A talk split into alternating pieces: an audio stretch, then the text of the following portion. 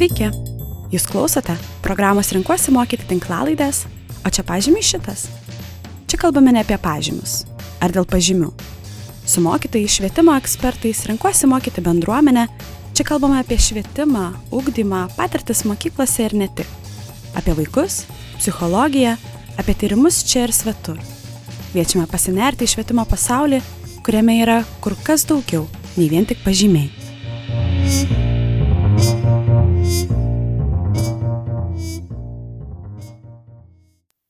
Sveiki prisijungę prie Renkuosi mokyti podcast'o. Čia Gabrielė Karacijienė. Šiandien kalbėsime apie ankstyvą įmeninį ūkdymą e, namie šeimoje, apie tai, kaip sudaryti sąlygas vaikui piešti, e, kokią tai turi reikšmę jo vystimuisi ir kaip ugdyti estetinį pojūtį. Ir apie visą tai ir dar daugiau papasakos renkuosi mokyti aliumnę, mokytoja Rita Urbanaitė. Labas, Rita. Labas, Gabrielė. Rita yra dirbusi dailės ir technologijų e, mokytoja ir, ir dirbusi esi ir su labai įvairiau, įvairaus amžiaus vaikais. Gal galėtum trumpai pristatyti savo patirtį? Tai e, galėčiau. Aš e, originaliai e, kartais sakau, kad praėjusiam gyvenime e, originaliai aš esu profesionali dailininkė scenografė su E, formaliu akademiniu išsilavinimu. E, dailės mokytoja e, ir, nu, aš tai laikau savo didžiausią tokią vertybę, savo, savo patirties bagažę, kad dailės mokytoja aš esu dirbusi su beveik visų amžiaus grupių žmonėmis. Tai aš turiu patirties, dirbau su priešmokyklinukais, esu dirbusi, su pradinukais, didžiausią patirtį turiu ilgiausiai dirbu su penktų aštuntų progimnazijos e, amžiaus e, grupės vaikais, su gimnazistais ir esu ruošus e, kelis mokinius du metus dailės egzaminui. Jie ten labai šaunus pasiro, pasitaikė ir, ir gerai jiems pavyko. Tai ir taip pat esu dirbusi su suaugusiais žmonėm, su tokiam individualiom pamokom arba kažkokiam nu, tiksliniam grupėm. Ir su, esu vedus mokymus kolegoms mokytojams. Tai kai aš pagalvoju apie savo tą pedagoginį darbo lauką, tai visada labai džiaugiuosi ir sakau, kad aš esu tokia gal mažiau į gilį ar kažkokią konkrečią nu, specifiką, kalbant apie uh, ten vieną mediją, kurią aš pasimčiau, nu, ten ar tapyba, ar grafika kokia labiau, bet aš sakau, kad nu, e, noriu apie save galvoti kaip apie tokį uh, įploti, o ne į gilį.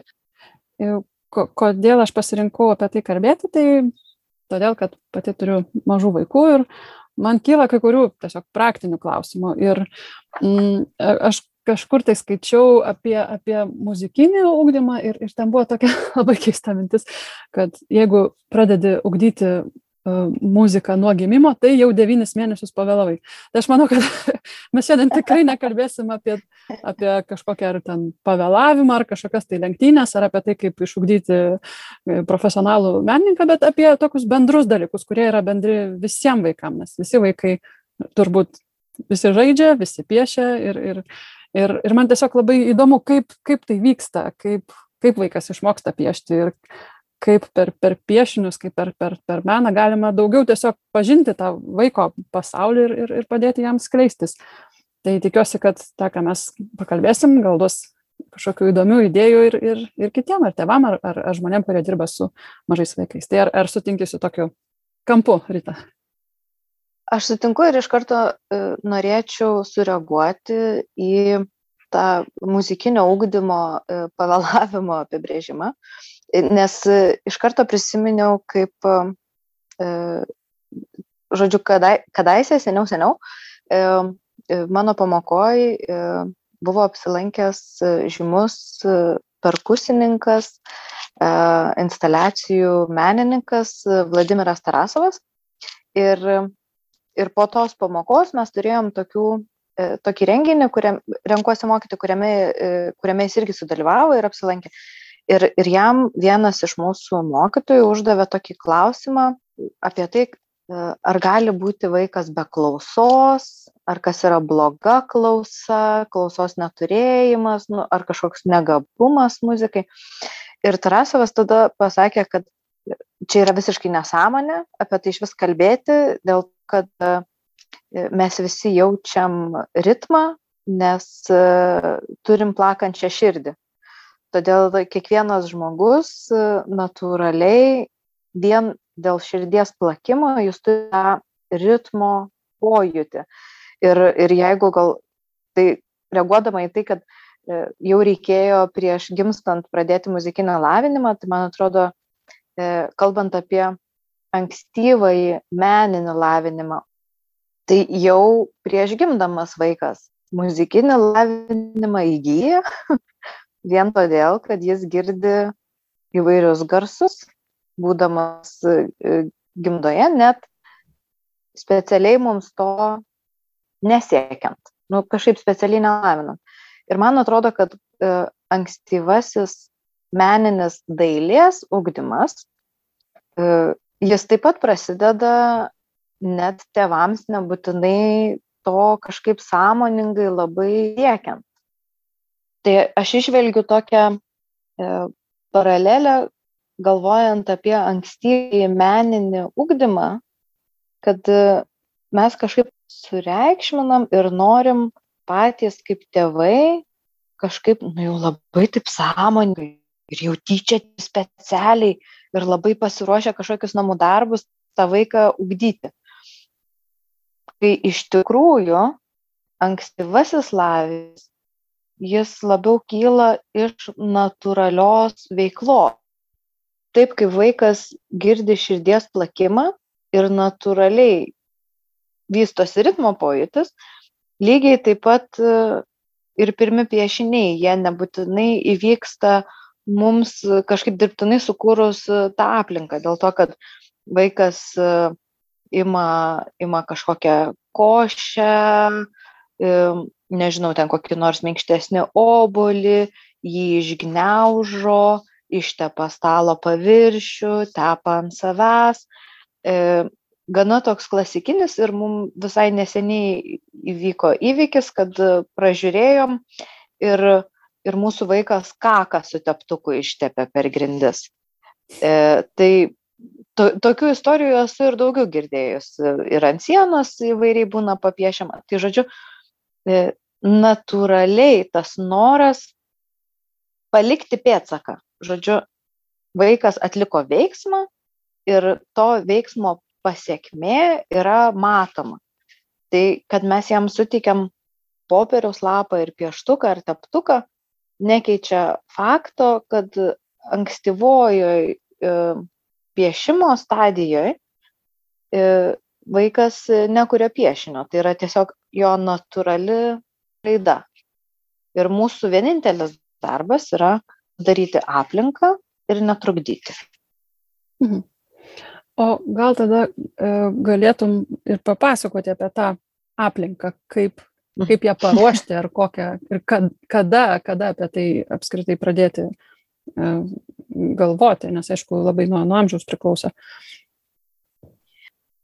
Tas ankstyvasis šeimas vaiko raiška, ji prasideda apie pusantrų metų, sakykime, taip 18 mėnesių. Iki tol e, toks e, ar linijų kažkokių palikimas, jis yra daug mažiau koordinuotas. Ir tik apie 18 mėnesį vaikas pradeda sąmoningai manipuliuoti piešimo ar kažkokio dėmės palikimo kažkokią priemonę ant paviršiaus. E, labai įdomu, dabar skaitau apie Tuvę Janson, tokią didelę knygą.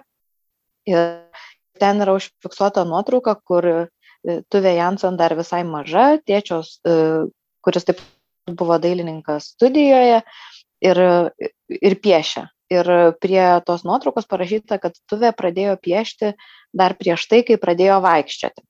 Mhm. Tai e, anksčiau gali vaikas pradėti piešti, gali vaikas pradėti vėliau piešti. Taip pat kaip e, vaikščiojimas gali būti e, normos ribose nuo 9 mėnesių iki pusantrų metų bet pusantrų metų ir yra tas atskaitos taškas, kai vaikas jau patiria džiaugsmą ir sąmoningai mato savo veiksmo rezultatą. Bet jis dar nevaldo savo rankos, tie judesiai yra chaotiški ir labai priklauso nuo vaiko temperamento, bet galvojant apie aplinkos sukūrimą ir pritaikymą, tai tokio amžiaus vaikui labai svarbu yra erdvė. Erdvė ir turėti omenyje, kad jam tas piešimas, jis yra dar viena judėjimo forma.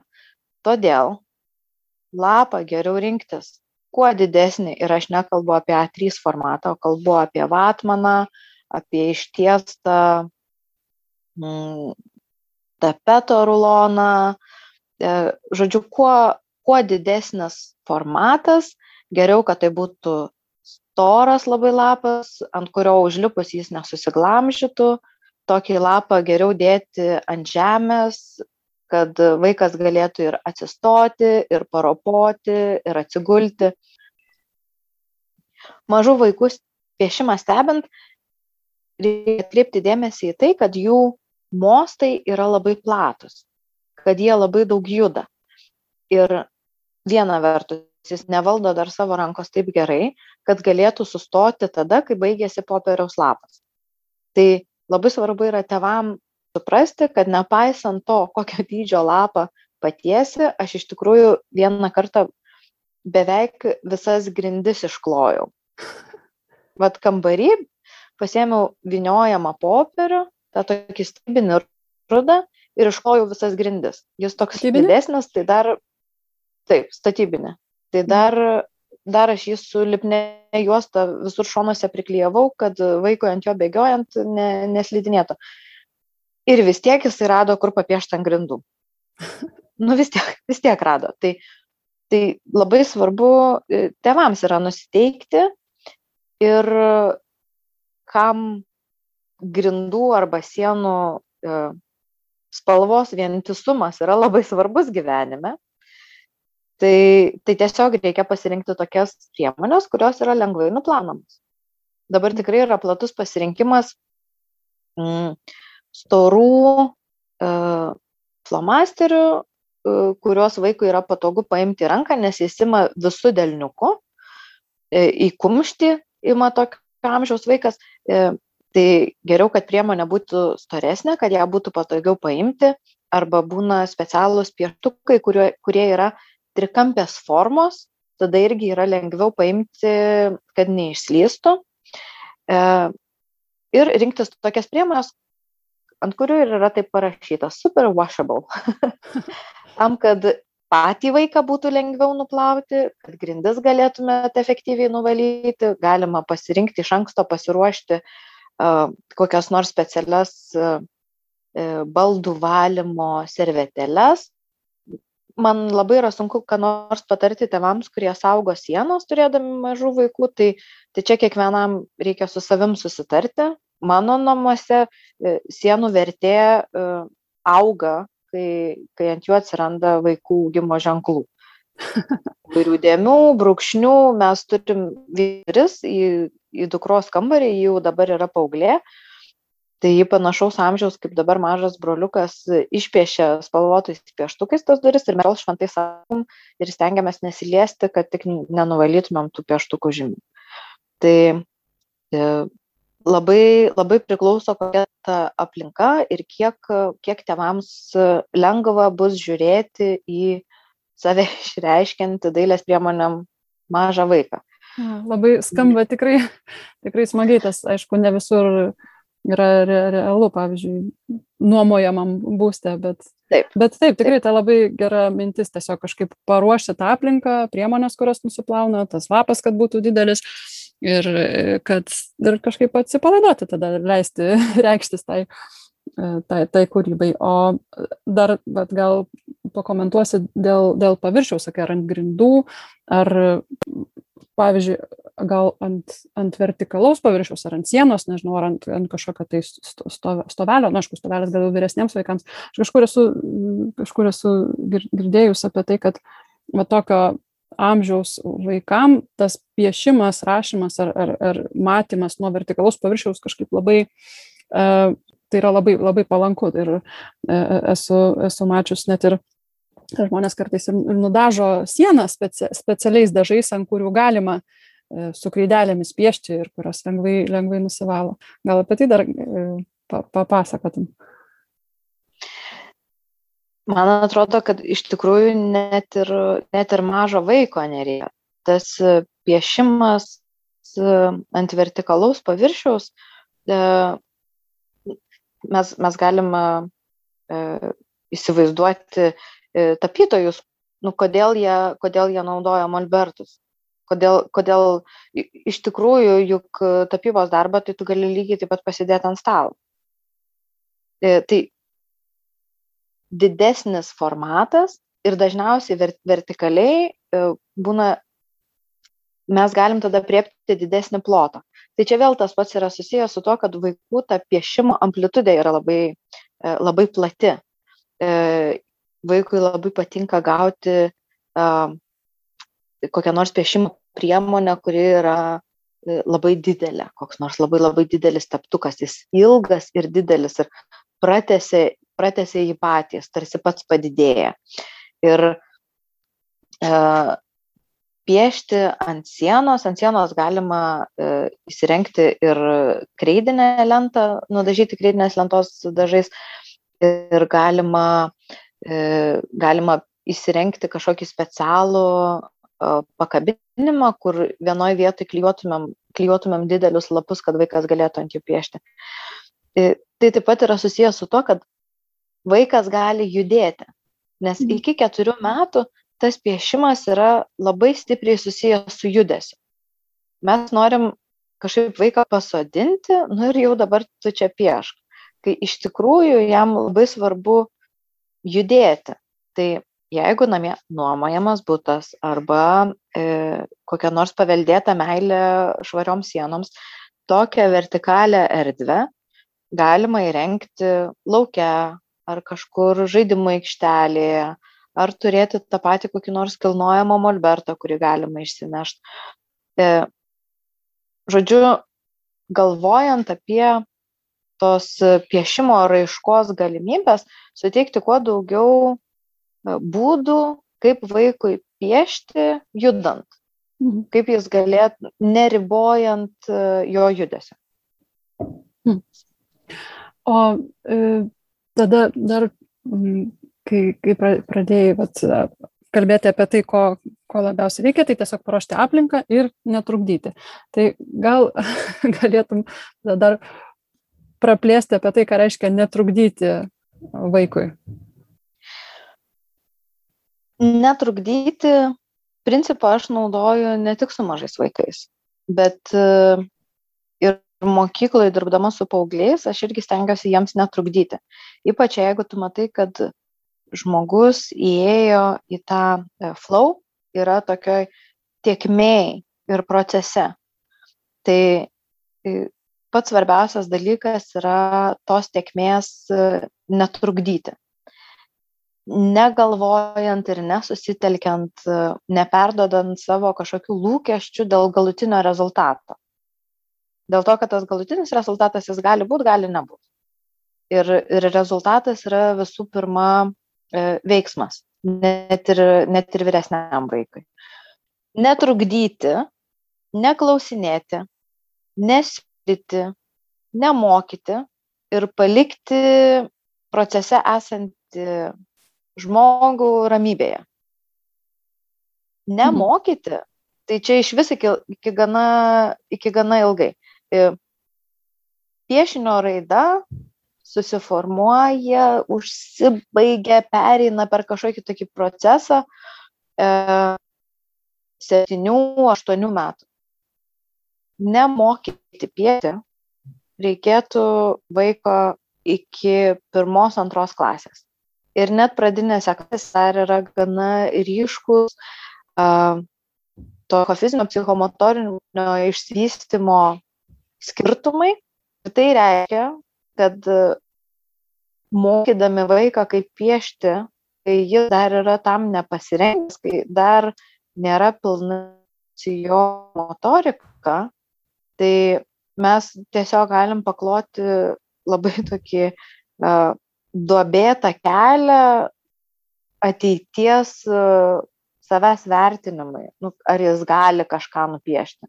Nes iki tol jis gali tai, ką gali.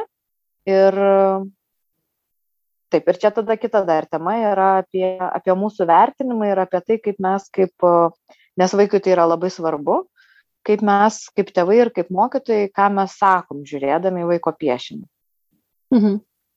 Ir kai tu sakai, kaip, kaip vertinam, tai aš matau vieną dalyką, tai kad tai yra kažkoks uh, po, pokalbis apie tai, ką, ką vaikas ar, ar piešia, nes taip, kaip sakai, kai vaikas uh, yra toj tiekmei, tai, tai uh, aš, aš kaip matau, kaip, kaip, kaip piešia, tai dažnai ir būna ir susijęs su kažkokia istorija, kad ten, nu, kad piešinys tai nėra kažkoks rezultatas, kuris yra statiškas kaip, kaip nuotrauka, bet kad jis yra nu, kaip vyksmas kažkoks, tai kuris, kuris vystosi ir, ir, ir, ir tas pasakojimas susijęs su piešimu, jis irgi yra labai įdomus, bet jį įdomu tiesiog stebėti, bet geriau jį nesikišti. Bet kai jau tas jau būna nupiešiama, tai tarsi būtų įdomu apie tai pakalbėti, o kas čia, ar papasakok, bet man atrodo, kad vaikui tas jau nebėra įdomu, nes jis jau tą jau išgyveno ir jis jau nori toliau kažką kitą daryti. Ar... Mhm. Tai iš, iš to, ką aš girdžiu, e, tai galiu pasakyti, kad tai yra labai, labai tipiška ir būdinga. Ne visiems vaikams tai būdinga, ne visi vaikai yra vienodai išnekus, e, bet e, yra kelios piešinio raidos e, stadijos. Ir tas piešinys, kuriame viskas labai vyksta ir jis yra susijęs su veiksmu, tai yra jo tokia ankstyvoji stadija, kai vaikas piešia ir mes net net, nu, nu, praktiškai neįmanoma yra pamatyti, kad čia pravažiavo automobilis, nes ten yra tik linija. Ir jeigu tu nestebėjai to veiksmo, kurį jis galbūt įvardino, gal nebūtinai žodžiais, gal jis sakė, kad brrr, ir, ir piešė liniją. Tai ir, ir tu supranti, kad čia šita linija tai reiškia, kad automobilis važiuoja. Arba ten koks nors, nežinau, kap, kap, kap ir, ir kad čia paukštelis praėjo ir liko, ir liko dėmes. Tai yra tokia ankstyvoji e, piešinio e, raidos stadija, kai e, veiksmas ir piešimas yra tiesiogiai susiję ir vaikas neturi tikslo atvaizduoti, bet jis rodo veiksmą, daro judesi su ranka ir tas judesys palieka, palieka pėtsaką. Tai tokiu atveju reikia, kai vaikas yra šitoje piešinio raidos fazėje, tai būtent reikia sėdėti šalia, klausytis, sureaguoti, jeigu, jeigu vaikas to, nu, nežinau, gal nustepti, jeigu ten kažkas atsitrenkia ar sugriuva ir ten kažkaip kartu, kartu sureaguoti, išgyventi tą veiksmą. Tai čia yra viena, viena raidos, vienas toks raidos etapas. Tada e, kitas raidos etapas yra, kai vaikas nupiešia ir sugalvoja, ką jisai nupiešia. Mes vis dar nematom e, akivaizdžių, aiškių formų, bet e, e, tam, ką mes matome kaip keverzonios, vaikas įsižiūrėjęs po fakto, jau nupiešęs, jis gali pradėti vardinti, kas kur yra. Jis nebūtinai turėjo tikslą nupiešti tuos objektus, bet, bet jis taip pasižiūrėjęs iš tolo gali pasakyti, kad o, čia tas, čia tas ir negalima kažkaip užrašyti. Ir toks e, trečias etapas, kai vaikas iš anksto sugalvoja, ką jis pieš ir jau šiek tiek projektuoja, kad, nu, nežinau, kad nupieš e, mamą. Vėl tas piešinys jis dar e, gali labai iš toli priminti piešiamą objektą, bet pagalvodami, įvertindami, kurioj piešimo raidos fazėje vaikas yra, mes galime stebėti, kaip vystosi apskritai jo raida. Kol kol vaikas nerašo, neskaito, yra labai sunku įvertinti, e, kokie tie kognityviniai, tokie nu, nematomi procesai vyksta vaiko viduje. Ir, ir tam mums gali labai pasitarnauti jo piešinių raidos stebėjimas. kai žiūrime, kaip, kaip vyksta piešinio raida, tai iš tikrųjų yra atspindys tų procesų, kurie vyksta vaiko viduje. Mhm. Ir tai apima tuos etapus, kuriuos tu minėjai, o paskui jau yra e, detalių pastebėjimas galbūt, ar kas, kas eina po, po to kaip vaikas atvaizduoja tai, ką jisai mato, kokius objekto sudėtingumo, kažkokius tai bro, brožus. Taip, ar, tai, ar tai vėliau, taip, vėliau iš tikrųjų e, piešinio pokyčiai yra e, detalių gausa. Jeigu e, lengviausia yra kalbėti apie piešinio rairiausiai žiūrint per žmogelio vaizdavimą. Nes iš pradžio yra tie koncentriniai ratai, kai vaikas e, tik tai e, mokosi e, judinti savo ranką ir sąmoningai palikti žymes. Tai mes matom koncentrinių ratų stadiją, paskui žmogelis pavirsta į galvakojį, prieš galvakojį dar labai dažnai būna tokia stadija, kai atrodo, kad vaikas labai daug saulyčių piešia. Iš tikrųjų, tos saulytės irgi yra žmogeliukai, tik tai turi labai daug galūnių. E, tada galvokojo stadija yra, kai e, yra nupieštas burbuliukas ir tiesiai kojos iš galvos auga. Man labai patinka išvalga, e, kodėl nėra to, to lemens ankstyvuosiuose vaikų piešiniuose. Tai kai kas žiūri pats į save, ypač dar dėl to kad ir galvos proporcija yra labai didelė lyginant su suaugusio žmogaus galvos ir kūno proporcija. Iš tikrųjų jisai to savo torso ir nemato. Nei kaklo jis nemato nei torso nemato. Ir jis yra visiškas egoistas tokio amžiaus vaikas. Nei ten pas jį empatija yra taip jau pilnai išsivysčiusi e, jis nežino kad ten kam nors kitam įspyrus tai jam taip pat skauda kaip ir jam nes jis, kai spyrė, tai jam gal neskaudėjo, tai gal ir tam žmogui neskaudėjo. Tai kadangi vaikas šitoj, e, šitam raidos etape yra e, labai egocentriškas, jis tik per save su, supranta, va, kaip jis supranta, tai tai pasaulis ir yra. Tai jis ir to savo kūno nemato. Jeigu, jeigu jis pasižiūri žemyn, tai jis iš karto kojas mato. Tai mm.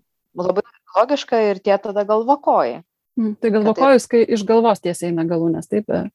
Taip, galvakojus, tai, tai čia taip primtinai, e, sutartinai, visuotinai e, vadinama pie, žmogelio vaizdavimas, kai vaikas piešia tik burbuliuką ir iš to burbuliuko eina tiesiai kojos. Kojos, rankos arba jų gali būti tiek daug, kad e, tas galvakojas panašus pasidaro į saulytę.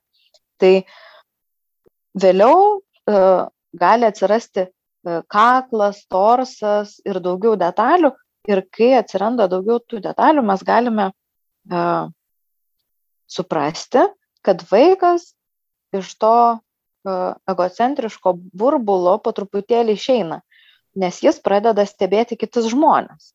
Mhm. Ir jis tada ne pats save stebėdamas iš savo to bokšto, savo iš galvos, žinai, e, mato, kaip čia yra tas žmogelis, o jis žiūrėdamas jau į kitus žmonės gali suprasti ir tada stengiasi atvaizduoti daugiau tų kūno dalių naudodamas. Mm.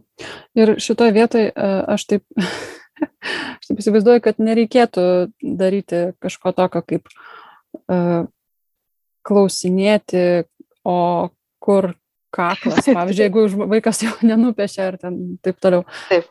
Taip, kok, nežinau, kaip, kaip, kokios čia klaidos gal būna dažnos, kur, nežinau, gal tėvai iš, iš gero norėjimo vaikui pa, padėti. Taip, tai va šitoje vietoje čia tavo. Matai, man, man net nekyla klausimų, kad galima būtų nuo to klausti, kur kaklas, o kur ausis.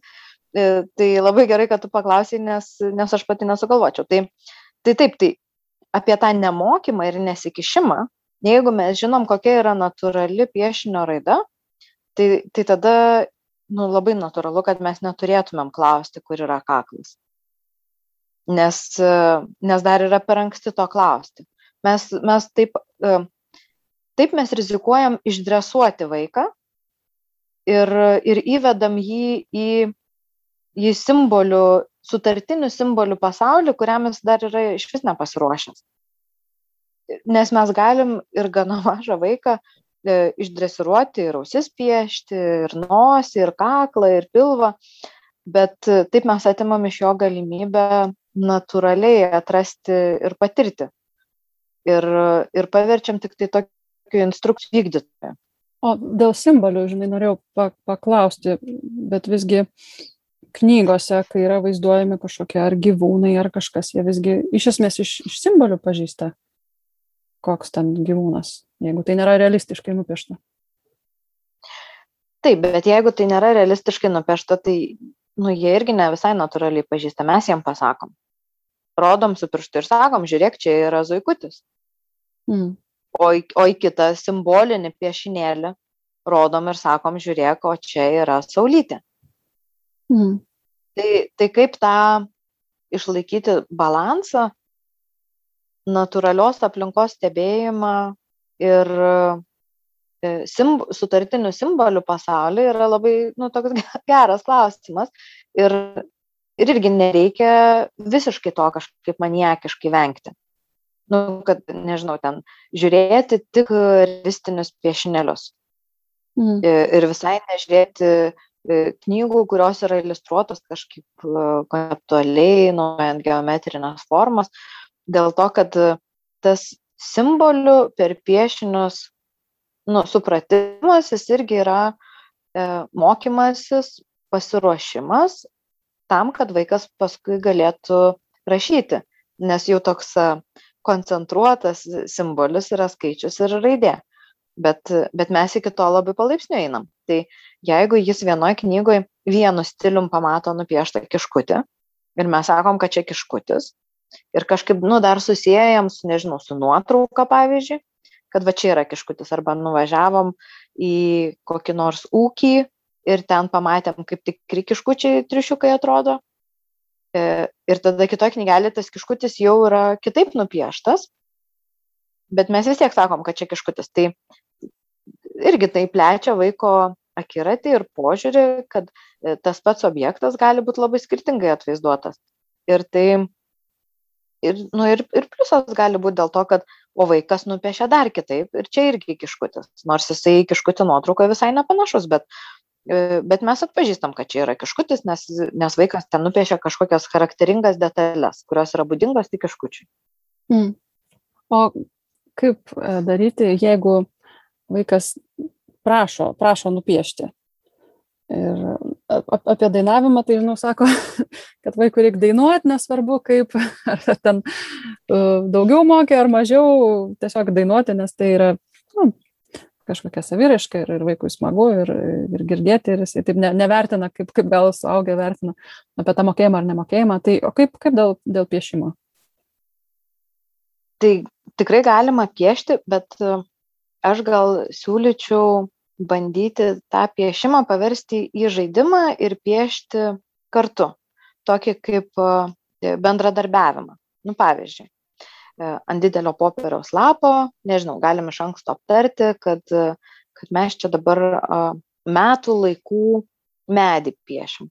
Ir tada mama arba tėtis, ar ten vyresnis brolius sesuo nupiešia, pavyzdžiui, medį ir įtraukia E, mažesnį vaiką ir duoda jam užduoti pripiešti lapų, gėlių, priklyjuoti lapų, priklyjuoti gėlių. Reiškia, e, tą piešimą paversti į žaidimą kartu, o ne aš, aš čia dabar esu, e, kaip čia, performeris kažkoks, ne, čia vyksta mano performances ir tu esi stebėtojas, tu dabar žiūrėk, stebėk, tai gali labai demotyvuoti ir sumažinti vaiko aktyvumą ar norą e, pačiam įsitraukti ir daryti. Tai gali pavirsti tokį, o dabar man nupiešk avį, nu, tok, e, irgi e, instrukcijų tokį davimą tėvams.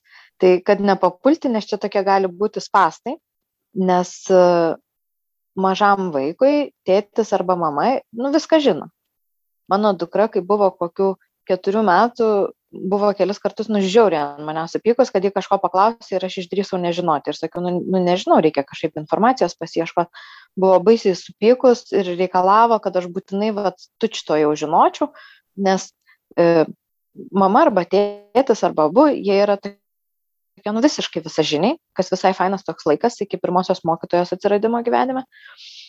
Bet tuo pačiu e, tas toks e, piešimas, jisai gali vaiko savirašką užblokuoti dėl to, kad nu, jis tik tai žiūrės, o kaip tu pieši. Ir toks neretas atvejis, kad nupiešk man zuikutį ir tu nupieši zuikutį, o vaiko jau taip pat tos zuikutis nesigauna. Ir labai priklauso nuo vaiko temperamento.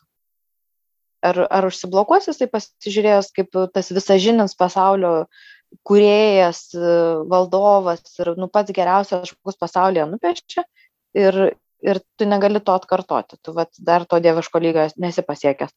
Tai geriau iš tikrųjų į, į kūrybos procesą įtraukti vaiką ir tapti piešinio bendrautoriais. Mhm. Uh, taip, aš tokių su, sulaukiu uh, prašymų, gal anksčiau daugiau sulaukdavau tokių prašymų, uh, tiesiog gal iš to vaiko noro nu, nuspalvinti kažkokią tai idėją, kur, jinai nori pagyventi, bet, nu, taip, gal ne, nenori viso to pati vaizduoti, bet, bet, bet nuspalvinti. Tai bet norėjau apie spalvinimo knygas paklausti, kada, kada šitam vat, raidos šitose etapuose įeina spalvinimo knygos ir kada jos ką, ką tu manai apskritai apie, apie jas ankstyvam amžiui? Aš labai teigiamai vertinu spalvinimo knygas. Bet tai gali būti labai susijęs su tuo, kad aš jų turiu labai daug ir labai kokybiškų. Tai e, spalvinimo knygų spalvinimas arba spalvinimas kažkokio piešinio, kurį nupiešia kažkas kitas, tai irgi yra labai, labai svarbus gebėjimas. Reiškia, vaikas e, jam tai padeda susikoncentruoti, e, susikaupti ir stengtis nu, pataikyti. Ne? Tai, tai jis e, savo smulkę motoriką e, mokosi kontroliuoti. Jis gali susipažinti su kažkokiais iš tikrųjų vaizdais, kurie jam yra dar per sudėtingi atvaizduoti, bet jis norėtų jų piešime arba bent spalvinime sudalyvauti. Mm, spalvinimo knygų pasirinkimas iš tikrųjų gal taip nuėjus į knygyną tokių gerų ne, nerasim, bet galima tikrai atsisiųsti arba susirasti internete ir spausdinti po vieną spalvinimo lapą atskirai. Tai mes galime įvairių temų rasti, kur, kurios vaikui galbūt nekiltų natūraliai, bet spalvinant mes galėtumėm jas aptarti. Tai pavyzdžiui, Aš turiu tiesiog e, tokią beveik jau kolekciją spalvinimo knygų, kur spalvinimo e, lapai yra sukurti remiantis žymių dailininkų paveikslais. Ir priklausomai nuo to, kokiam amžiui spalvinimo tos knygos yra skirtos, jie yra sudėtingesni arba paprastesni, su papildomom užduotim, kažką pabaigti, pridėti. Tai e, būtent va tose spalvinimo knygose yra tie, e, man atrodo, labai vertingi pavyzdžiai, kur yra nebaigti kažkokie paveikslai, kurį reikia ir nuspalvinti, ir pridėti nuo savęs detalį. Ten e, Van Gogo saulėgražus, pavyzdžiui, ne? Ir, ir trūksta tų saulėgražų vazoje, gal ten tik dvi ar trys įmerk. Ir ir nuspalvinti tas, kurios yra, ir nupiešti dar papildomai, nes e, ten gali būti koks nors teminis klausimas. Ar tau netrodo, kad e, geriau atrodytų daugiau tų saulėgražų vazoje? Nupieš, pripildyk šitą vazą. Arba turiu knygą visai, visai mažiem vaikam. Tai ten, pavyzdžiui, labai tokie paprasti piešinėliai ir, ir labai nedaug, nedaug prašo iš vaiko. Pavyzdžiui, pradėjo lyti, ar gali nupiešti keletą lietaus lašų, o kitam puslapį jau, e, jau daug didesnis e, tas debesis ir, ir ten prašom nupiešti nu dar daugiau, nes jis įsmarkavo lietus. Ir mes verčiam puslapį ir virš miesto jau audra prasidėjo, tai gal tu ten gali visiškai ten pritaškyti, pri, nu, priplėšyti, priteplioti, nes nu visiškai audra jau čia e, irgi eina per tokį, per tokį veiksmą. Mes turim piešinį, piešinio karkasą, kurį gali vaikas spalvinti, bet tame piešinyje yra palikta erdvės, kad vaikas dar nutaptų bendrautorium ir nuo savęs papildytų. Tai renkantis spalvinimo knygas, aš iš tikrųjų patarčiau ieškoti būtent tokių, kurios nėra, kuriuose tas spalvinimo lapas nėra uždaras. Nes pats spalvinimas ir mokymasis e, neišeiti už linijų, jis nėra kažkoks ten labai intelektualiai ribojantis, bet labiau iš tikrųjų susijęs su e, skatinimu vaiką valdyti valdyti savo ranką, suvaldyti, kad tas pieštukas vis kuo mažiau išeitų už linijos. E, bet neuždaryti to kelio e, laisvam piešiniui, kad mhm. tavo, nu, tavo piešinys vis tiek patvertingas, kiek ir tas spalvinimo lapas. Mhm, ir turbūt vėlgi tas noras likti ribose, spalvinant, jis ateina natūraliai tiesiog, kai vaikas auga. Ar, ar, ar taip? Taip, ne, taip nes, jis padeda, nes, nes jis padeda nu, geriau atvaizduoti, geriau išreikšti savo mintį. Net jeigu vaikas nespalvinimo knygelėje piešia, bet jis pats nupiešia žmogeliuką ir nežinau, jau gal yra tame piešinio raidos etape, kur jau gal jis ir drabužius vaizduoja, ir batus kokius nors. Ir e, tiesiog, kad e, ten nori batus kita spalva kažkokią pavaizduoti, jau pradeda parinkinėti spalvas, ar ten plaukų spalva, ar akių spalva. Ir čia lygiai tas pats yra nu, e, linijos potėpio kontrolė, kurią galima ugdyti naudojant ir, ir spalvinimo knygelės, ir laisvą piešimą.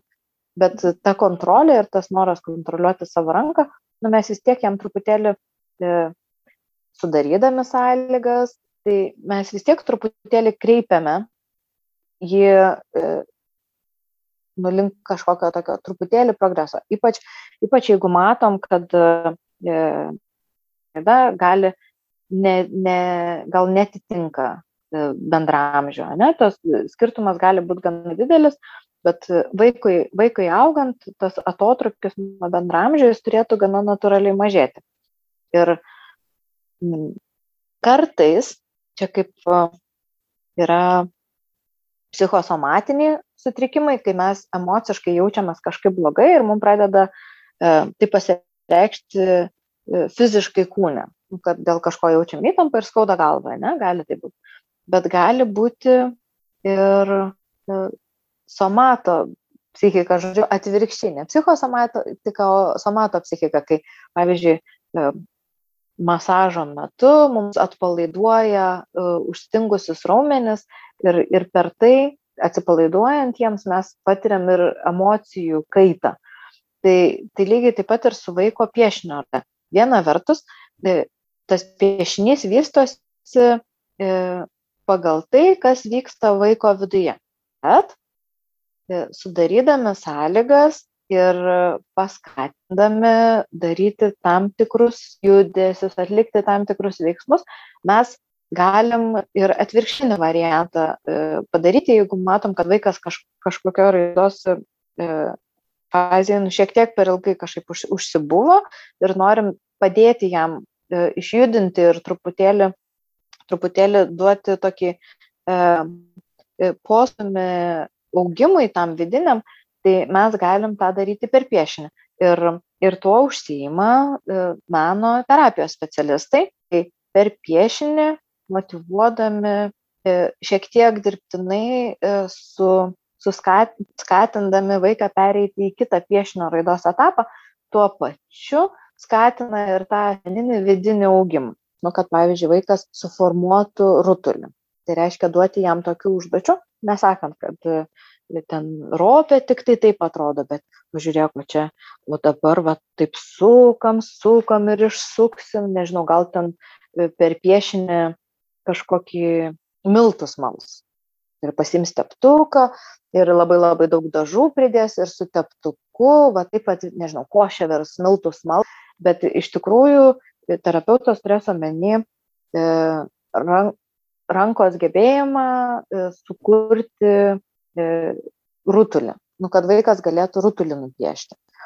Tai, tai aš čia apie tai kalbu. Mhm. Bet tai vis tiek tai yra skatinimas veikti tam tikrą kryptimį, ar išsipurvinti rankas, ar paimti molino, ar kažkaip kinestetiškai veikti, ar vertikaliai, ar horizontaliai, bet nemokant, kaip nupiešti simboliškai konkrečius vaizdus. Mhm. Nes tokių būna ir knygučių tokių vaikams, kurios mokina, kaip nupiešti kažkokį tai ar gyvūną, ar, ar kažką tai, bet jau čia yra vyresniems vaikams, ar ne? Tai tu čia turiu omeny tokius, kur būna žingsnelis po žingsnelio. Mm. dabar nupiešim rutuliuką, paskui nupiešim dar antrą rutuliuką, mes juos sujungsim. Tos knygelės, kuriuose žingsnelis po žingsnelio rodoma, kaip piešti tam tikrą objektą, irgi kaip ir spalvinimo knygelės kažkodėl yra apaugusios tokiais uh, negatyviais uh, įspūdžiais, netgi mitais tokiais, kad oi, jau čia žingsnelis po žingsnelio mokantis piešti, tai mes labai irgi vaiką kažkaip blokuojam. O nieko mes iš tikrųjų neblokuojam. Tų paprastų piešinėlių, kur reikia sekti instrukciją piešimas, yra visai, visai kitų gebėjimų ugdymas. Tai iš tikrųjų, ką mes mokomės, tai vaikas iš tikrųjų ne zuikiai mokosi piešti. Jis iš tikrųjų mokosi atlikti instrukcijas eilės tvarka, nes mokykloje jam reikės atlikti instrukcijas, e, nežinau, ten ar kokį nors, nu jau galima apie ir vyresnį vaiką galvoti, ne, tai jam reikės, pavyzdžiui, mm, perskaityti tekstą ir tik po to atsakyti į teksto suvokimo klausimus. Ne? Nu, aš čia taip sakau, tarsi tai būtų savaime suprantama. Tačiau tikrai yra vaikų, kuriems tokie dalykai, nu, jie nėra savaime suprantama. Labai dažnai pirmokų mokytojas e, skundžiasi, kad kai e, atėj, atėjus vaikam pirmą mėnesį, e, jo sako, labas rytas, atsiverskite šitą vadovėlį ir pasako kelintą puslapį. Pusė klasės lieka sėdėti ir nieko nedaro, nes jiems nebuvo pasakyta asmeniškai vardu. ir jiems kažkaip nu, nesavaime suprantama, kad tai ir tau reikia atsiversti. Nu, kad čia visiems.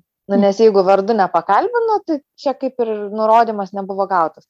Tai tų savaime nesuprantamų dalykų ir instrukcijų jų gali ateityje būti labai daug. Ir mokydamasis piešti piešinėlį, naudodamasis instrukciją, tai vaikas iš tikrųjų ugdo labai svarbius gebėjimus tiktai kol kas jam įveikiamu ir maloniu būdu. Be to, toks e, piešimas, tai čia nu, jau koks ir šešių metų, ir septynių metų, labai nuo vaiko priklauso, toks piešimo būdas, jis gali e, kitą kartą atpalaiduoti vaiką nuo nepasitikėjimo savo jėgomis. Šeštokam aš labai dažnai duodu e, kai mokomės piešti veidą ir veido proporcijas, aš duodu, turiu tokią specialią knygą. E, prieš nemažai metų Kopenhagoje specialiai jau ieškoti komiksų tokios parduotuvės didelės ir, ir ten nusipirkau knygą e, Manga for the Beginners, manga pradedantiesiems. Ir ten žingsnelis po žingsnelio parodyta, kaip piešti manga stiliaus veidą, kokios ten proporcijos yra naudojamos, kaip naudoti skirtingus rakursus ir taip toliau. Ten tie rakursai gana sudėtingi ir sudėtingėja knygoje pateikiami pavyzdžiai. Tai tiems vaikams, kurie pasitikė savimi, e, tai yra puikus toks paruoštukas ir jie gana lengvai paskui tas schemas gali pritaikyti pieždami savo originalius piešinius. Dėl to, kad nu, proporcijas ir ten pasižymėti e, yra verta visiems išmokti. Nu, taip savo opa ir iš rankos, tai ir Picasso irgi ne iš karto pradėjo tos vienos linijos piešinius piešti. E, tai, o kitiems vaikams e, yra toks begalinis džiaugsmas, kai jie nupiešė sekdami, nupiešė sekdami instrukcijomis ir gavosi.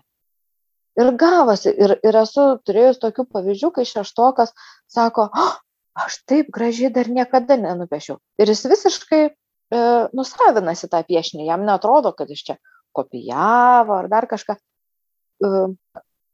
Dar norėjau tavęs paklausti, kiek yra svarbu eksponuoti piešinius ar darbus? Mhm. Tai aš eksponavimą, jeigu, jeigu į tokius e, mentalinius stalčiukus sudėlioti, tai aš eksponavimą dėčiau į vaiko kūrybos vertinimo stalčiukų. Dėl to, kad kai mes pakabinam, tai reiškia, kad nu, čia žiauriai kažkoks svarbus darbas. Nes šiaip savo belenko, taigi, nu, nekabin, nu gerai, skalbinį išdžiausti, ne, bet tai čia nėra ekspozicija. Tai jeigu jau pakabino, nu reiškia, čia toks įvertinimas darbo. Dėl to e, vaiko darbo eksponavimui namų erdvėje e, aš labai rekomenduoju skirti daug dėmesio.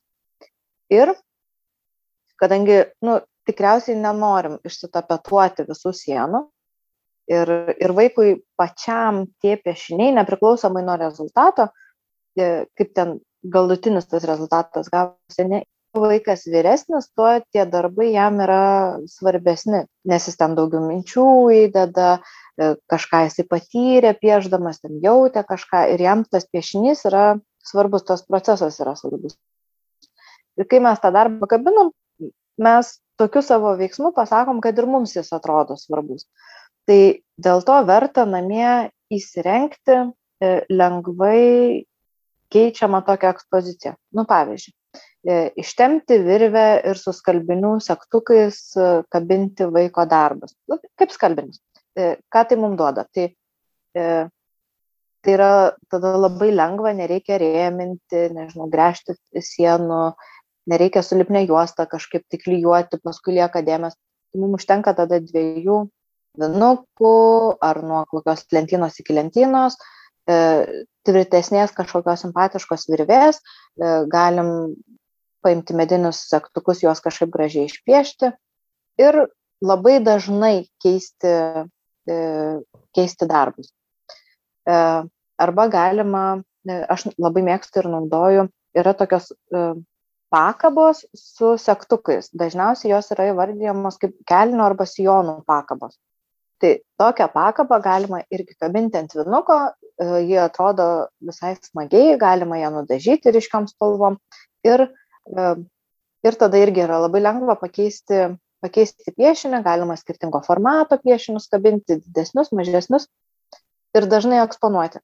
Tai tas eksponavimas, jis yra daug geresnis parodymas vaikui negu nuolatinis girimas. Tai jeigu pratęsiant apie vertinimą, ką aš rekomenduoju vengti sakyti, žiūrint e, į vaiko piešinius. Tai gali būti gana sunku ir gali su savim tekti padirbėti, nes mes e, patys labai dažnai girdėjom, kad ten, oi kaip gražiai tu nupiešiai, oi kaip tu čia gerai nupiešiai. E, ir pradedam vertinti savo darbus per pavyko, nepavyko, gražu, negražu, kaip iš tikrųjų, panašu, nepanašu. Vietoj to daug efektyviau yra naudoti atspindėjimo techniką.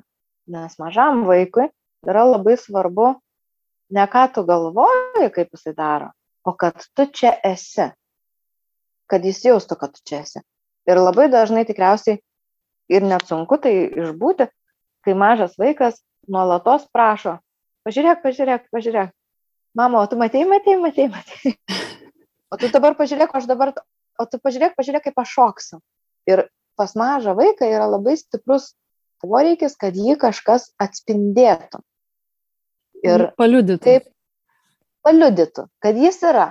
Bet toks liudijimas. Va, jam, jam reikia to suaugusio žmogaus, to saugaus ryšio ir paliudijimo, kad jis yra. Nu, nes jeigu jis ten šauniai pašokinėjo ant vienos kojos, arba nežinau, kaip nors uh, ypatingai iškišo liežuvį ar išleido kokį nors siaubingai įdomų garsą, tai jeigu niekas to nepalidijo, jeigu nieko šalia nebuvo, niekas neatspindėjo, toks, nu, nu, kaip, ar, ar tai neįvyko, ar, ar kažkaip neverta tada dėmesio, jam reikia užbaigimui to, to mūsų e, buvimo šalia ir liudimo. Tai kai vaikas piešia, verta yra atkreipti dėmesį ir vietoj gražu, negražu, šaunuolis, tokių abstrakčių, mažai ką reiškiančių frazių, nes vien, ten teveliams tas piešinys gražus, kam nors visai gali atrodyti nesąmonė, nu visiškai tokie ne, neobjektyvus kažkokie sprendimai. Tai vietoj to verta atspindėti ir aptarti e, vėl veiksmą. Nu, aš vėl va vis prie veiksmų grįžtu, kad aš mačiau, kad tu dirbai labai susikaupęs. Arba e, aš mačiau, kad tu tai piešiai, piešiai ir tada susto, o vat kaip tu vat ne, nepiešiai, o kas ten vyko ir mes galim, nu, pakalbėti. Tada gal vaikas įsileis truputėlį savo vidinį pasaulį ir papasakos, kad gal ten ar dvėjojo, ar galvojo, ką čia toliau daryti. Ir mes galime tai aptarti. Tada mes galime uh, aptarti spalvų pasirinkimą.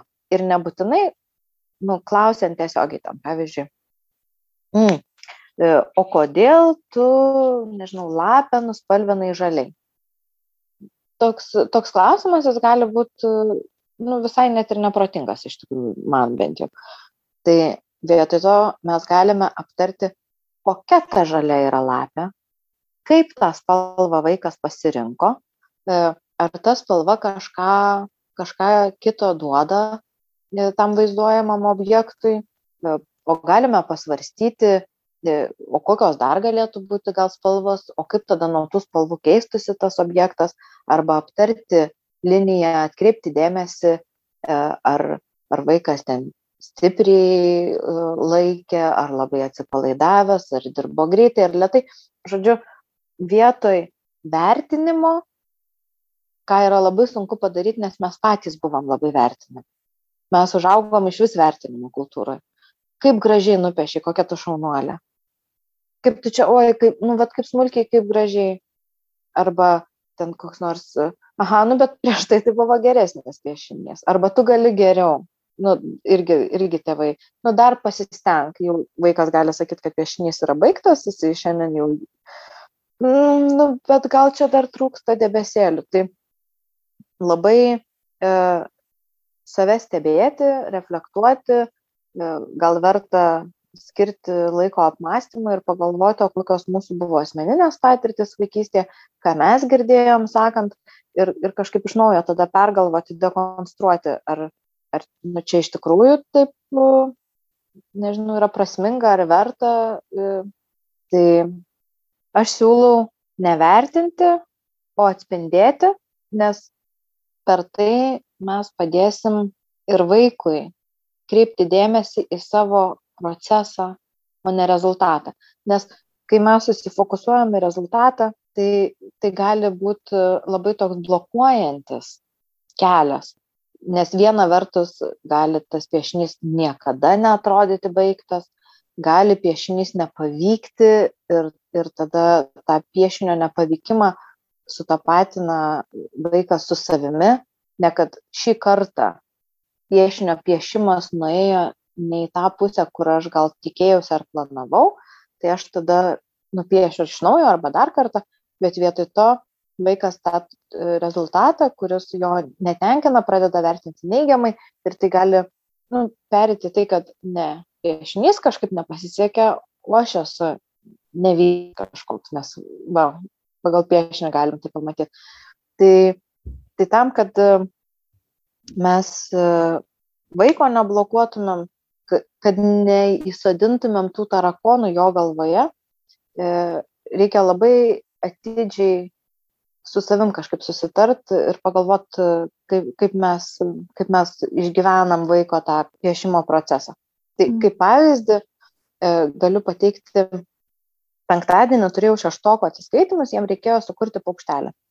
Ir paprašiau jų pristatyti savo darbą, naudojant tam tikrus aspektus. Nu, kaip, kaip se, kokias medžiagas pasirinkai, kodėl tokias medžiagas pasirinkai, kaip sekėsi E, daryti, ar, nu, ten ar buvo sunku, ar lengva, iš kelinto karto padary, kiek laiko tau užtruko tai daryti. Ir paprašiau, kad atkreiptų dėmesį ir e, kad šiuo, šiuo metu ir šitame darbe mes nevertinam, e, tuo labiau aš ir pažymių nerašau, turiu tokią prabangą, mes nevertinam, gražus tas darbas išėjo ar negražus. Jisai geras ar negeras. Jeigu jūs dirbote, nepriklausomai nuo to, kiek laiko skiriate, ir iš tikrųjų buvo vaikų, E, keli vaikai buvo, kurie skyrė, nežinau, keturias dienas po valandą, pavyzdžiui. Tai keturias valandas tam pačiam darbui skyrė vienas vaikas, o kitas vaikas skyrė dešimt minučių.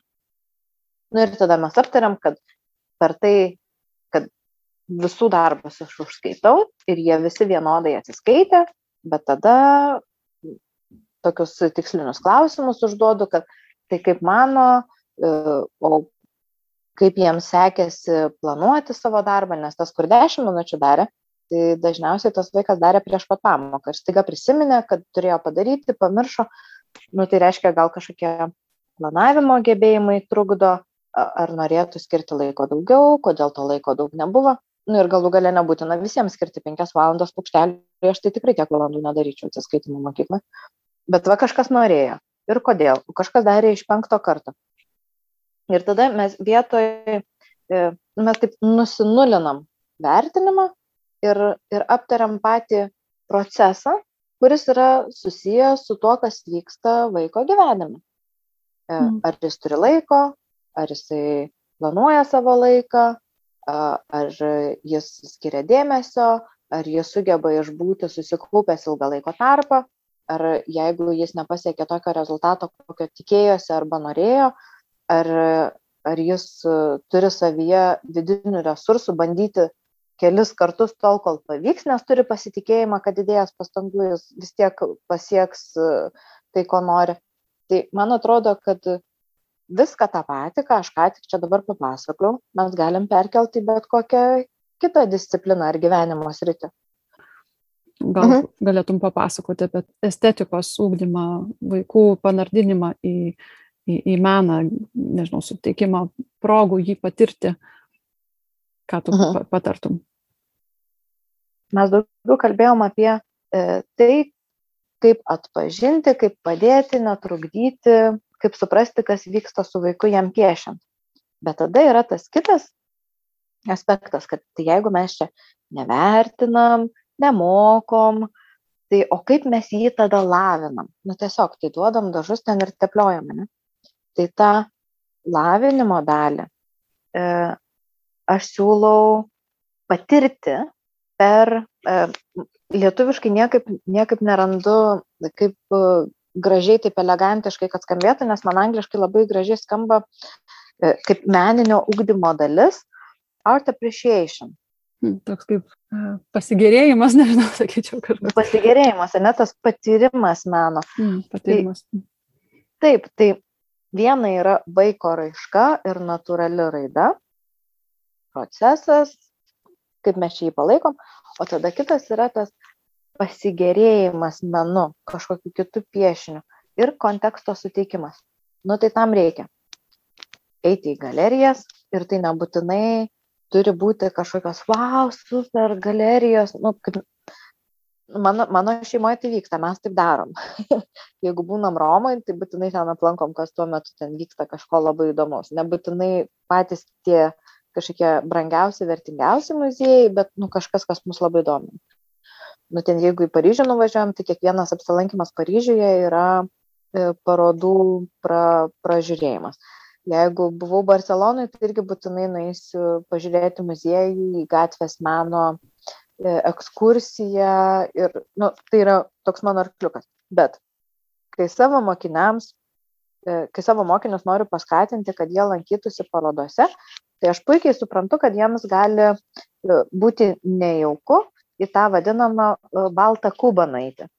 Nes šiuolaikinis muziejus, taip kaip jis atrodo dabar, tai nėra labai senas reiškinys ir, ir turi savo atskirą pavadinimą - baltas kubas. Tai reiškia, mes ateinam, yra labai daug erdvės, e, ta erdvė dažniausiai bus mm, kažkokia labai neutrali, pastelinė ir mes tada galim susikoncentruoti vien tik tai tą e, paveikslą ar piešinį, bet ta erdvė, jinai labai dažnai gali būti nejauki, svetima ir, ir labai trukdyti patirti tą meno kūrinį, nes mums yra nejauku toje erdvėje būti, ji nėra sava. Tai pirmą, ką mes galime padaryti, patys tas erdvės prisijaukinti ir nuo labai ankstyvo amžiaus vestis vaikus. Tai pavyzdžiui, mano pirmagimė savo pirmoji parodoje, aš iki šiol tiksliai atsimenu, e, apsilankė, kai jai buvo e, šeši mėnesiai. Tai aš ją buvau prisirišusi nešyklėje ir e, visa degiau nekantrumu, nes buvo atvežta Niko Pirosmani, tai yra e, gruzinų primitivizmo dailės atstovas arba naivėje meno atstovas e, paveikslai. Ir aš, nu šitaip norėjau juos pamatyti ir mes nuėjom ir man atrodė, kad tas šešių mėnesių kleckiukas iš neščioklės visai tuos ryškius e, ir kontrastingus paveikslus susidomėjęs užmeta akį.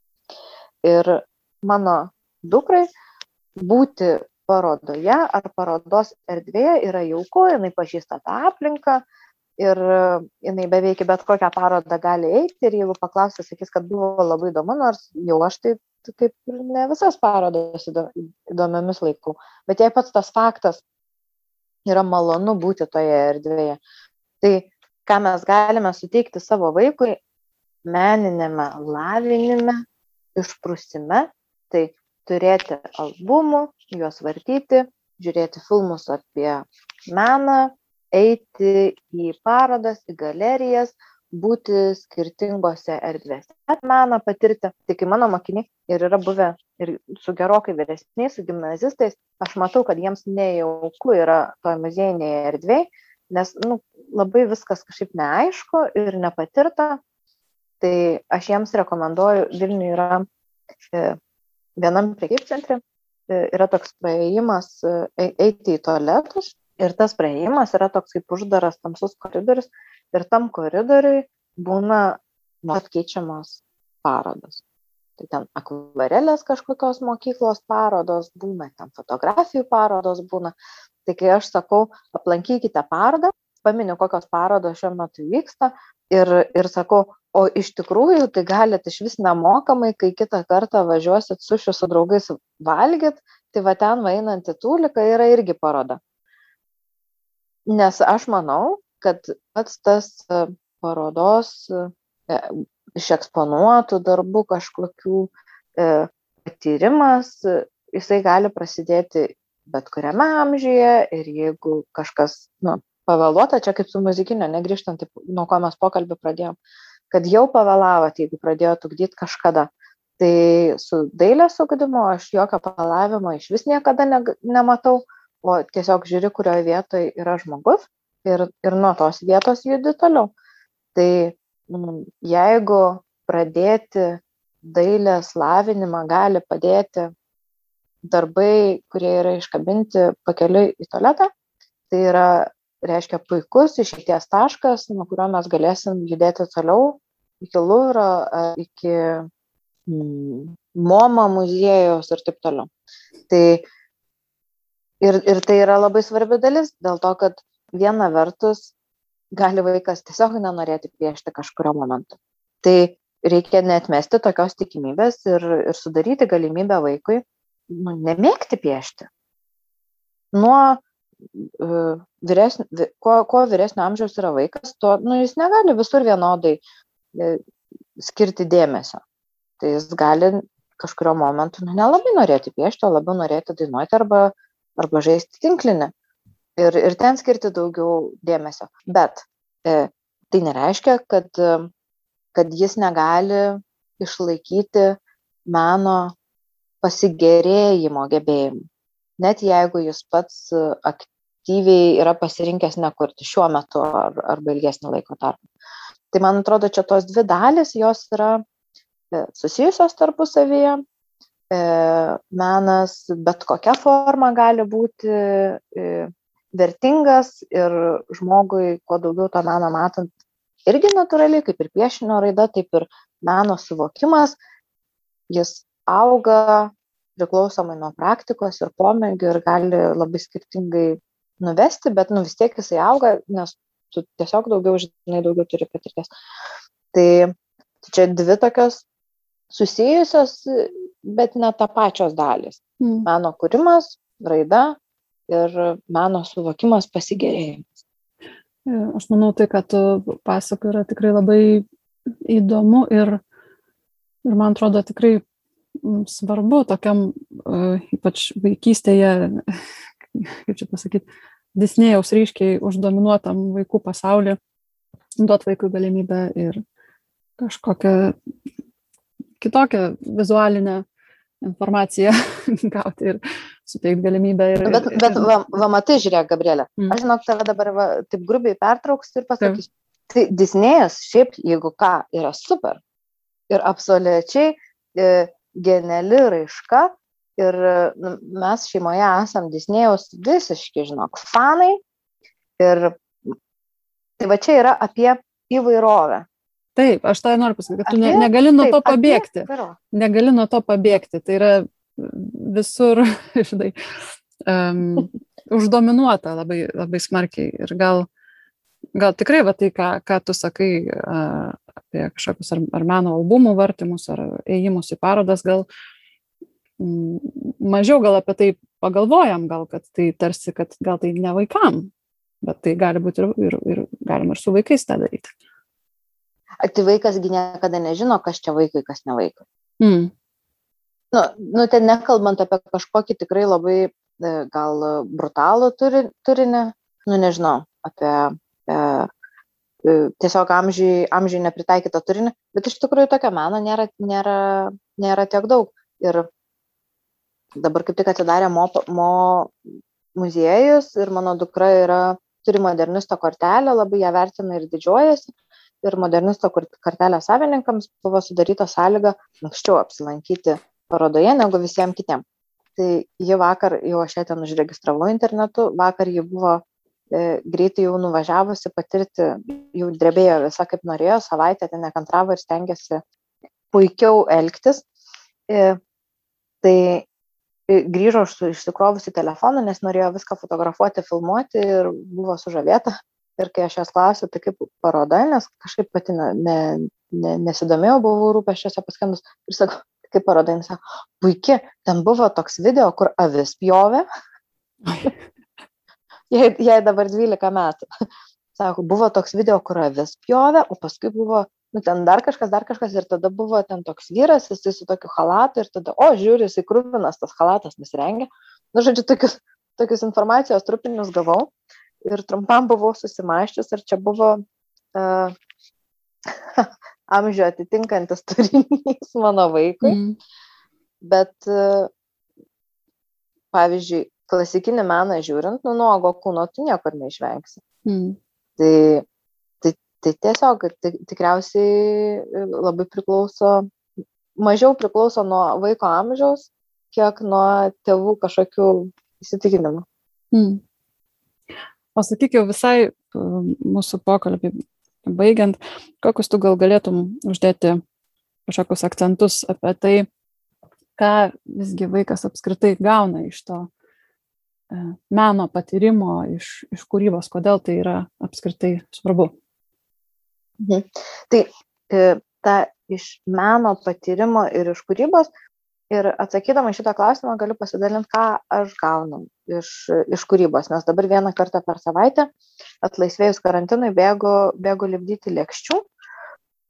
Ir ir kodėl aš jaučiuosi gerai ir rinkausi ar man e, e, psichoterapijos užsiėmimai kartą per savaitę padėtų atlaikyti va čia šitą situaciją, kuri vyksta, ar tęsti keramikos užsiėmimus. Ir aš kažkaip padariau savo išvadą, kad man tikriausiai bus pigiau ir efektyviau lipdyti lėkštes.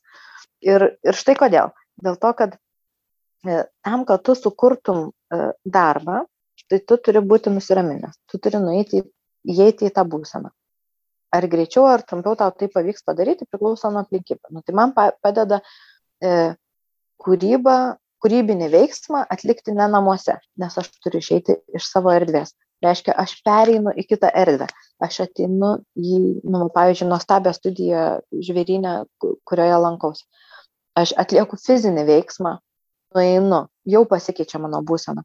Tada e, tada aš eidama galvoju planuoju aš turiu svajonę kokią lėkštę noriu padaryti. Tada aš sau leidžiu atsipalaiduoti ir ir ta svajonė jinai nebūtinai taip išsipildo kaip aš norėjau nu nes tame ir irgi yra atskiras stebuklas. Nes jeigu aš kaip norėjau taip ir padariau taip ir gavosi tai tada toks labai robotizuotas toks mechaniškas kažkoks veiksmas. Nu vat idealiai kažką padariau. Tai tai aš reiškia leidžiu sau klysti leidžiu patirti tėkmę aš e, išsipurvinu rankas aš prisiliečiu prie medžiagos aš turiu e, užsičiaupti, nes tai man nėra lengva padaryti. Ir, ir aš turiu tylėti, ir, ir aš turiu susikaupti, nes man ranka sudrebės, jeigu, jeigu aš būsiu išsitaškęs, reikia susikaupti, kad linija kažkokia gerai išeitų, ar kad aš iškočiočiau molį vienodo storio.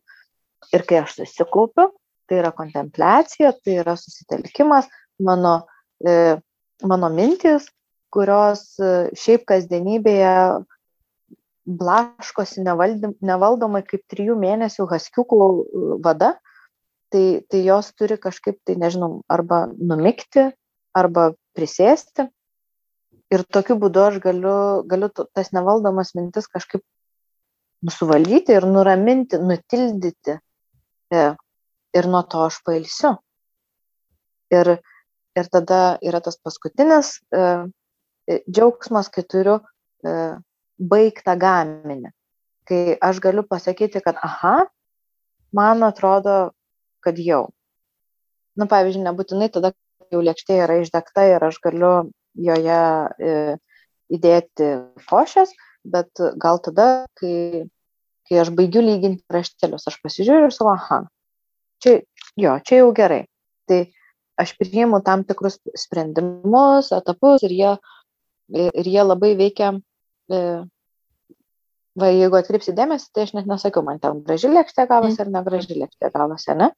Nes e, vertė ir ką aš gaunu iš tos veiklos, jinai nėra apibriešta tuo įvertinimu, čia lėkštė dešimtukai, ar, nu, tokia šešetai lėkštė. Mhm. Nes vertė buvo e, buvo procesas ir mano galimybė e, ten nuspręsti, kad jau yra baigta. Arba mano yra teisė nuspręsti, kad, hm, nu, bet jau taip nepavyko ir suminkyti ir padėti molį atgal. Mm. Ir, ir tai neapsprendžia, ne, manęs ten trys nepavykusios lėkštės e, ne, nu, nepasako nieko blogo apie mane. Tai, nu, šiaip aš, e, turėdama va šitą omeny, stengiuosi ir tą ugdymo procesą irgi maždaug taip organizuoti, kad mes galėtumėm, nu, kad vaikai galėtų va pajausti va šitą va tiekmę, va tą procesą. Mhm. Tai labai ačiū taurita ir tavęs klausantis mm, tikrai kyla ir minčių, ir idėjų, ir net ir, ir noro eiti ir pačiai galbūt kažką imti ir, imti ir kurti ir, ir, ir tikrai duot, duot laisvę vaikam. E, tai labai tau ačiū. Ačiū tau, Gabriela.